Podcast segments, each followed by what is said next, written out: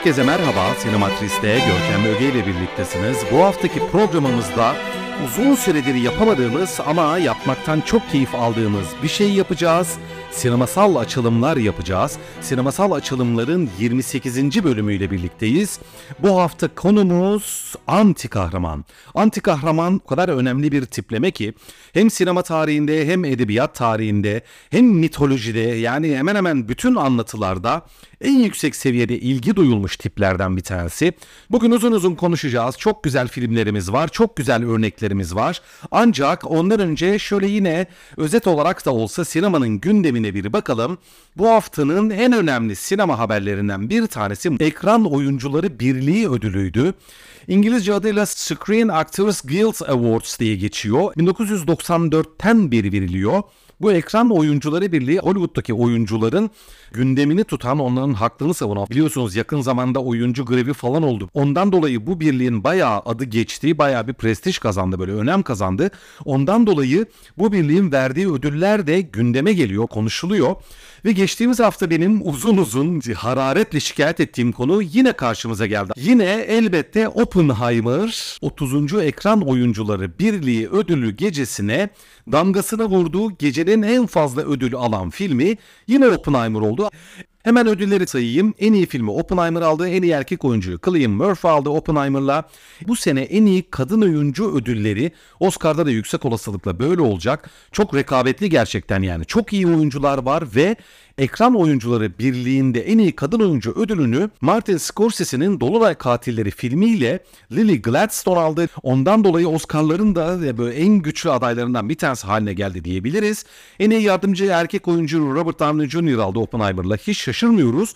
Yine altın kürelerde olduğu gibi en iyi yardımcı kadın oyuncu dalında da son derece güçlü adaylar olmasına rağmen Alexander Payne'in son filmi The Holdovers'la karşımıza gelen Dwayne John Randolph, ben Rudolph diye daha önce telaffuz etmiştim diye hatırlıyorum, yalnız telaffuz etmişim. Dwayne John Randolph ödülü aldı.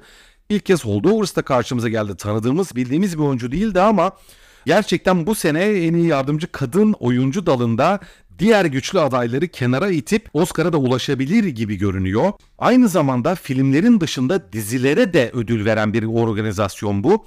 Yine altın kürelere damgasını vuran en önemli dizilerden bir tanesi olan Succession bu geceye de damgasını vurdu ve The Bear adlı dizi en fazla dalda ödül alan dizilerden bir tanesi olarak onu da belirtmiş olalım. Haftanın bir başka önemli gelişmesi The Zone of Interest filminin gösterime girmesi denebilir. Jonathan Glazer'ın yönettiği film yılın en önemli filmlerinden bir tanesi. 5 dalda Oscar adayı oldu. Meraklısı var. Çok da iyi bir film olduğu söyleniyor. Ben de henüz izleyemedim. Eğer izleyebilirsem üzerine bir şeyler söylemeye çalışırım. Gerçekten önemli bir film. ilgisini çeken arkadaşlar Zone of Interest'e göz atabilirler. Geçtiğimiz hafta çok hoşuma giden küçücük bir açıklama duydum ben Steven Spielberg'ten. Steven Spielberg üzerine yaptığın programda ben demiştim ki bana göre Steven Spielberg'in yaptığı en iyi film Schindler'in Listesi filmi ve tam da onun üzerine Steven Spielberg bir açıklama yapmış. Demiş ki yaptığım en iyi film Schindler'in Listesi. Bunu görmek çok hoşuma gitti gerçekten. Ve son olarak şöyle bir haberim var. 2018'de ve 2023'te Örümcek Adam karakterinin Spider-Verse diye paralel evrenlerle alakalı iki tane animasyon filmi yapılmıştı. İkisi de gerçekten çok iyiydi ya. Öyle böyle iyi değildi. Çok ya ikisini de ben izlemekten inanılmaz keyif aldım. Müthiş filmlerdi. İşte onların üçüncüsünün yapacağı açıklandı ve filmin yapımcıları en son Spider-Verse filmi üçlemenin en iyi filmi olacak diye hayli iddialı açıklamalar yapmışlar. Ben mutlaka izleyeceğim diyorum çünkü dediğim gibi Spider-Verse filmleri çok iyiydi. Hem Örümcek Adam'a hem de bu animasyon üçlemesine ilgi duyan arkadaşlar son filmi de muhtemelen merakla bekliyorlardır. Buradan hatırlatmış olalım diyorum ve gelelim bu haftaki esas konumuza sinemasal açılımlarda bu hafta konumuz anti kahraman. Şimdi anti kahramanı tabii özetleyebilmek için önce kahraman nedir? Ondan bahsetmek lazım ki kahraman savaşlarda ya da tehlikeli durumlarda üstün yararlılık gösteren güçlü, erdemli, mücadeleci kişi tipleme olarak tanımlanıyor. Biz insanın kültürel birikiminde ne kadar iyi özellik varsa Bunların toplandığı bir tipleme olarak görebiliriz kahramanı ve üstün özelliklere sahiptir tabii. Hani sadece erdemli bir karakter değildir. Güçlüdür, mücadelecidir, cesurdur ve bu erdemli değerler uğruna hayatını feda etmek için gözünü kırpmayan böyle çok üstün, muhteşem bir insandır. Ta antik Yunan'a falan gitsek işte Hektorlar, işte Aşiller falan yani sayısız kahraman tiplemesi var tabii dramatik anlatılar tarihinde. Ondan dolayı çok bildiğimiz bir tiplemedir kahraman tiplemesi. Sinema tarihinde de çok sayıda örnek verilebilir elbette. Kahraman deyince özellikle bir türe de biraz böyle vurgu yapmak lazım. O kahraman tiplemesinden anti kahraman tiplemesine doğru bir evrim geçiriyor böyle sinema ve gerçekten bu çok önemli noktalara temas eden çok ilginç gerçekleri, güzel gerçekleri bize gösteren bir dönüşüm oluyor kahramandan anti kahramana dönüş. Zaten ben benim de tam olarak hani bugün odaklanmak istediğim konu o ki şöyle e, Western biliyorsunuz Amerikan sinemasının en köklü, en eski türlerinden bir tanesidir. Ve 30'larda 40'larda müthiş Western filmler yapılır. Ve bu Western'in ilk dönemi diyebileceğimiz dönemde Western filmlerinde genellikle gayet muhafazakar, Amerikan değerlerini koruyan, kutsayan ve onun temsilcisi olan erdemli bir western kahramanına rastlarız daha çok ve bu western kahramanını da en çok oynamış oyunculardan bir tanesi John Wayne'dir. Bu filmlerin de ilk akla gelen en önemli yönetmenlerden bir tanesi de John Ford'tur. Mesela 1939 yapımı Stagecoach diye bilinen orijinal adıyla bizdeki adıyla posta arabası. Bildiğimiz hani western türünün en klasik imgelerinden bir tanesidir değil mi? Posta arabası. Posta Arabası filminde mesela John Wayne son derece erdemli bir western kahramanını canlandırır mesela. Ancak 1956 tarihli The Searchers diye orijinal adıyla bizde Çöl Aslanı diye bilinen filmde ise yine yönetmen John Ford'tur. Yine başrolde John Wayne vardır. Ancak bu filmde John Wayne post arabasındaki gibi erdemli bir kahraman değil bir anti kahramana dönüşmüştür. Şimdi bakınız bu dönüşüm çok önemli yakın tarihten başka birkaç tane kahraman örneği vereyim size. En bildiğimiz kahraman nedir? Superman. Onun dışında yakın zamandan Kaptan Amerika mesela. Tam olarak bir kahraman. Yıldız Savaşları serisinin unutulmaz baş karakteri Luke Skywalker değil mi? Tam bir kahraman. Çok sevdiğimiz pırıl pırıl böyle hiçbir neredeyse kötü özelliği olmayan bir tipleme. Hep erkeklerden gitmeyelim bir de muhteşem bir kadın kahraman örneği verelim. Adı üzerinde ilk aklınıza kim geliyor? Wonder Woman. Daha bir kahraman bir kadın olabilir mi? Olamaz gerçekten. Cesur, güçlü, güzel. Bunların hepsi mükemmel karakterler. Tam olarak kahraman karakterler. Okey. Şimdi bu çok güzel ama günümüzde diyeyim artık hani pek de inandırıcı ya da ikna edici olmayan karakterler. Neden peki? Çünkü hepimiz artık biliyoruz ki mükemmel insan diye bir şey yok. Hepimiz kusurluyuz. Mükemmel insan olmadığı için artık günümüzde hiçbir eksiği olmayan, hiçbir sorunu, kusuru, problemi olmayan kahraman tiplemesi bize hiç de ikna edici gelmiyor.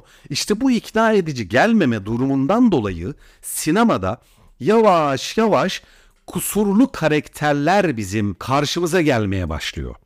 Kusurlu karakter deyince bunlar illa anti kahraman değil, yine erdemliler, yine güzeller, yine harikalar. Ancak pürüzleri var diyelim bakınız. Kötü demiyoruz, bazı eksiklikleri var. Mesela size hemen nefis bir örnek vereyim yakın zamanda. Iron Man, demir adam. Çok zengin, deha seviyesinde zeki, çalışkan, çabalayan yani harika bir karakter. Yakışıklı, karizmatik, bir de böyle çok esprili, komik falan. Nefis değil mi? Çok güzel. Ama çok ciddi bir pürüzü var. O pürüz ne? Egosu. Olağanüstü egoya sahip, çevresindekileri ezen, lafı da koyan çok da zeki falan bir tip ya böyle. Çok zengin olduğu için aynı zamanda zevke sefaya düşkün, kadınlara düşkün falan böyle acayip bir playboy aynı zamanda. İşte zaten hem Iron Man filmleri kendisinin üçlemesi, özellikle Avengers filmlerinde Iron Man'in temel dramatik derinliği o egosunu, o böyle playboy halini, tavrını bir ekibin parçası olarak insanlığı, dünyayı kurtarma yükümlülüğünü üstlenebilmesi için bastırmak, ezmek zorunda kalıyordu. Mesela Natasha Romanoff ona diyordu ki hani şu egondan kurtulabilecek misin? Ne zaman kurtulacaksın acaba? Yani egondan kurtulabilsen zaten her şey yoluna girecek. Aynı şeyi Doctor Strange söylüyordu mesela senin egon hani çok büyük biz onunla başa çıkamayız falan gibilerinden ki Doktor Strange de çok egolu bir karakterdi. Daha sonra süper kahraman olma sürecinde o egosunu bastırmıştı, ezmişti. Bakınız bunlar çok güzel dramatik derinlikler. İşte Iron Man pürüzlü bir karakterdi ancak gerçek bir kahramana dönüşme süreci Avengers filmlerinde o egosunu ezmesiyle oluyordu ve zaten sonunda bunu başarıp evreni Thanos'un elinden kurtaran karakter kim oluyordu? Iron Man oluyordu zaten. Bir başka pürüzlü kahraman örneği verelim. Kimdir? Batman. Marvel'dan bir örnek verdik bir de DC sinematik evreninden bir örnek vermek istedim. Hani onlar rakip ya böyle Marvel'la DC. Bruce Wayne mükemmel bir karakter. O da çok zengin, çok erdemli, çok onurlu, dürüst, harika bir adam zaten. Gotham City için nasıl Iron Man hani insanlık için çalışıyor, çabalıyor falan. Hani Batman biraz daha yöresel falan diyecek olsak da hemen hemen aynı şeyi yapıyor aslında ona sahip olduğu o zenginliği, o şanı, şöhreti, şirketleri falan yani sahip olduğu her şeyi veren bir Gotham City var. Ancak onun da bir pürüzü vardır. Nedir? İntikam duygusu. Çok sevdiği ve ona sahip olduğu her şeyi veren ancak en değerli şeyler olan annesini babasını da ondan alan Gotham City ile çok ciddi bir çatışma içerisindedir. Gotham City'yi suçlulardan tamamen temizlemek istemektedir ancak bunu aslında Gotham City için mi yapmaktadır? Yoksa annesini babasını kaybettiği için yalnızlığa hapsolmuş olmanın verdiği intikam duygusundan dolayı mı Gotham City'yi suçlulardan temizlemek istemektedir? Zaten tüm Batman filmlerinin ta 80'lerde Tim Burton'ın yaptığı filmlerde, daha sonra Christopher Nolan'ın yaptığı filmlerde ve en sonda Zack Snyder'ın yaptığı filmlerde de aynı çatışma karşımıza çıkar. Nedir bu çatışma? Batman aslında erdemli motivasyonlarla yola çıkmayıp intikam duygusuyla yola çıktığı için ne yazık ki Gotham City'yi suçlulardan temizleme hedefine ulaşamayacaktır, ulaşamamıştır. Iron Man sonunda egosunu ezip erdemli bir kahramana dönüşerek insanlığı kurtarır. Ancak ne yazık ki Bruce Wayne yanlış bir motivasyonla yola çıktığı için o intikam duygusundan kurtulamayıp Gotham City'yi kurtaramaz sonunda. Hatta Christopher Nolan filmlerinde Gotham City'nin neredeyse mahvolmasına sebep olan noktalara ulaşır öyküsü.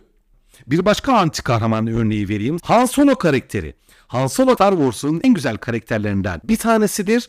Ama nasıl bir karakterdir? Aslında bir alsatçıdır böyle sürekli kendi menfaatini düşünen. 3'e alayım 5'e satayım. Son derece fırsatçı ve menfaatçi. Hiç de kahraman olacak bir karakter gibi görünmez değil mi? Değildir. Ama öykünün sonunda kendi çıkarlarını bir kenara atıp galaksiyi kurtarma motivasyonuyla Luke Skywalker'a ve çevresindeki dostlarına katılarak galaksiyi kurtarmak için kahraman olma seviyesine kadar erdemlenen diyelim. Bir karaktere dönüşür Han Solo. Ancak aslında kendi kendi içinde içten içe kahraman özelliklerine sahip bir karakter olduğu için bazı özellikleri kahraman özelliklerine uymuyor olsa da pürüzlü bir süper kahraman olarak karşımıza çıkar. Şimdi bakınız mükemmel kahraman tiplemesinden olayı biraz döndürdük. Pürüzlü kahramana getirmeye çalıştık. Şimdi artık yavaş yavaş anti kahramana gelmeye çalışalım mı? Çalışalım bence artık. Şimdi peki anti kahraman ne? Önce bir tanımlayalım. Aslında tanımını bile henüz yapmadık. Anti kahraman o az önce tanımladığımız tüm erdemli diyebileceğimiz değerleri üzerinde barındıran kahraman tiplemesinin tam zıttı özelliklere sahip olan ancak bakınız bu noktaya lütfen dikkat edin çünkü bu biraz yanlış anlaşılıyor kahramanın yaptıklarını yapan ya da onun giriştiği eylemlere girişen karaktere anti kahraman deniyor. Buradaki vurgu özellikle ne? Neticede yine kahraman. Anti kahraman denmesi kahramanın yaptıklarının zıttını yapıyor demek değil aslında. Yani aslında kötü karaktere anti kahraman denmez. Bir gidip Google'lasanız böyle anti kahraman yazsanız kötü karakterlerin anti kahraman olarak isimlendirildiğini görüyoruz. Aslında bu doğru değil. Anti kahraman deyince özellikleri kahramana uymayan ama kahramanlık yapan tipleri biz anti kahraman olarak değerlendirmemiz gerekiyor. Yoksa hani insan öldüren böyle ne bileyim ya mesela Thanos, Darth Vader bunlar anti kahraman değil aslında. Bunlar bayağı kötü karakter. Bir öyküde kötü olarak isimlendirebileceğimiz tipe zaten kahraman diyemeyiz. Orada da şöyle bir ayrım koymuş olayım. Kahraman aynı zamanda şey oluyor ya bir öykünün baş karakteri yani kahramanı üzerine öykü inşa edilen tipleme olarak da biz kahramanı kullanıyoruz ya. Bugün işlediğimiz konu anlamında o, o kahramanı işlemiyoruz yani biz. Bazı filmler bayağı kötü karakterleri kahraman olarak merkeze alabilir. Burada biz onu kastetmiyoruz. İşte anti kahramanda vurgulanmaya çalışılan şey bildiğimiz kahraman tiplemesinin vasıflarına sahip olmayan hatta tersi özelliklerine sahip olan kahraman anlamında kullanıyoruz. Bakınız şimdi çok ilginç bir noktadan vuracağım ben. Çok ilginç bir anti kahraman örneği vereceğim size. Coen kardeşleri biliyor musunuz? Coen kardeşler. Joel ve Ethan Coen'ler Oscar falan da aldılar. Yani artık bayağı bilinen, sevilen karakterler ama aslında sinemaya bağımsız sinemacılar olarak başladılar ve bağımsız ruhlarını hiçbir zaman da kaybetmediler.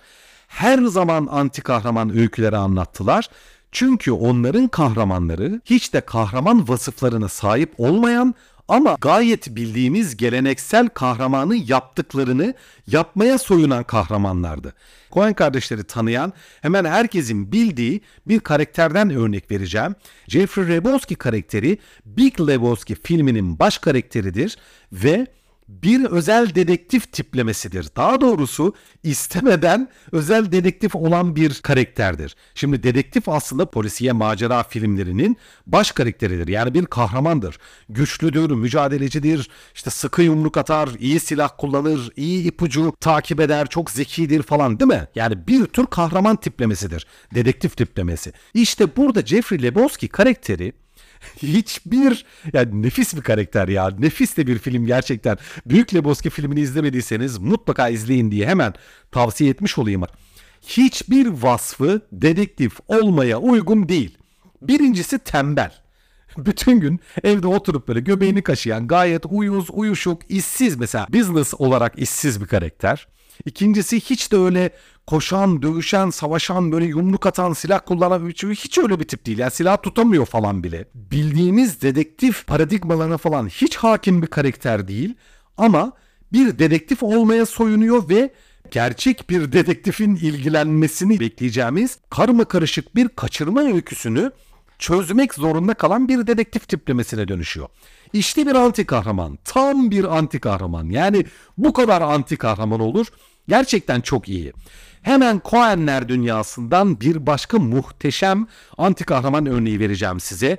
Bu da mükemmel bir film Fargo 1996 tarihli. Bu, bu arada Büyük Lebowski 98'di yanlış hatırlamıyorsam. 1996 tarihli Fargo filmi zaten Coen'lerin adını dünyaya duyurdukları filmlerden de bir tanesiydi. Yani ondan önce de az çok biliniyorlardı ama özellikle Fargo filminde çok geniş kitleye ulaştılar. Neden? Çünkü film iki tane Oscar aldı. Orada iyice artık böyle yani akademinin falan kutsadığı yönetmenlere dönüştüler. Burada öyle bir anti kahramanımız var ki iddia ediyorum sinema tarihinin hem en iyi hem de en anti kahramanı buradaki Francis McDormand'ın Oscar'la taşlandırılan performansıyla canlandırdığı March Gunderson diye bir polis karakter. Bakınız filmin yani işte başında bir böyle iki tane ya gerçi onlar da salak biraz da neyse ya. Coen'lerin bütün karakterleri biraz anti kahramandır ya da anti kötü adamdır yani. Bu, bu zaten olayları o. Coen'ler üzerine bir program yapayım ya. Bir film yapsınlar da onların hani onu bahane edip Coen'leri uzun uzun anlatayım size. Çok isterim. Müthiş yönetmenlerdir gerçekten. Burada iki tane salak diyebileceğimiz böyle tipleme bir kadını kaçırıyor. Öyle söyleyeyim. Çok uzun bir öyküsü var tabii filmin de o, o kadar detaya girmeyeyim.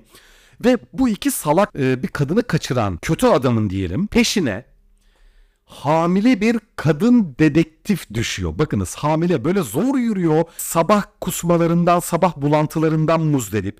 Yatağından zor kalkan, zor yürüyen. Hani hamile kadınlar artık böyle 8. aya gelince biraz bacakları böyle aça aça yürürler. Böyle göbeğini tutarlar, zor eğilirler, zor kalk, kalkarlar falan ya mesela. Hani artık o aşamaya gelmiş. Böyle 3 aylık hamile falan değil yani. Daha işte cinsiyetini bekliyoruz işte hayırlısı bakalım falan. Öyle değil. Artık sona gelmiş. Hamileliğin son aşamalarında bu şekilde çok ilginç, garip bir kaçırma öyküsü bu dedektifimize veriliyor. Bu, bu dedektifimiz bu olayı çözecek. Bakınız anti kahramanlığa bakar mısınız?